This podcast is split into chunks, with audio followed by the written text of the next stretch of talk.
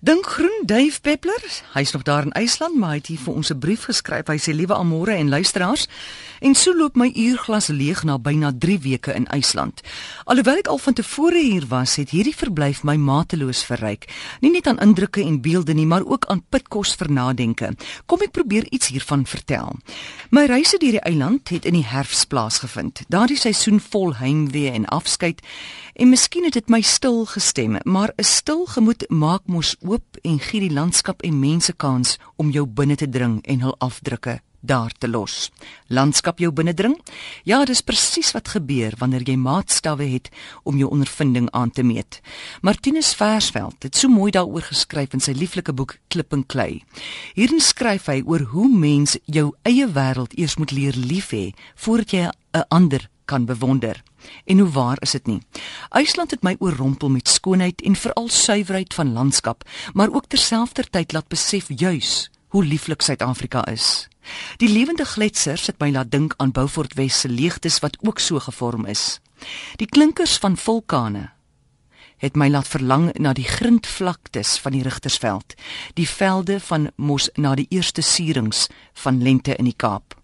En die mense van IJsland groot en ou geeste, een en almal. 'n Nasie wat al so lank in isolasie lewe, so lank al die hamerslaaf vir die natuur kan verduur, is gebreide en gelouterde mense. Hulle lees verbete, ken hul sages en geskiedenis en beleef hul verstommende omgewing met volle deelname. Net waar mense reis, is daar families op voetpaaie, stapstokke in die hand, rugsakke volledig met tent en kos.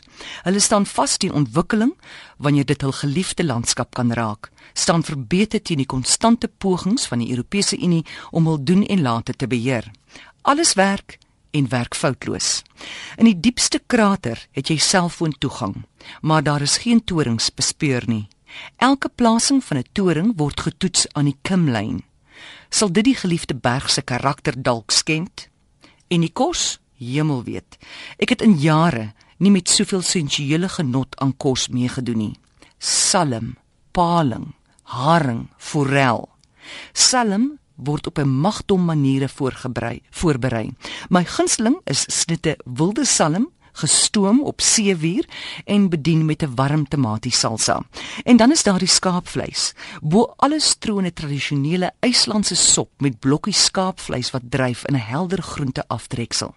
Bedien met vulkaanbrood, kan jy glo swart rogbrood wat in 'n natuurlike oond in die stoombelaaide grond gebak word. Nou waarom is die kos belangrik?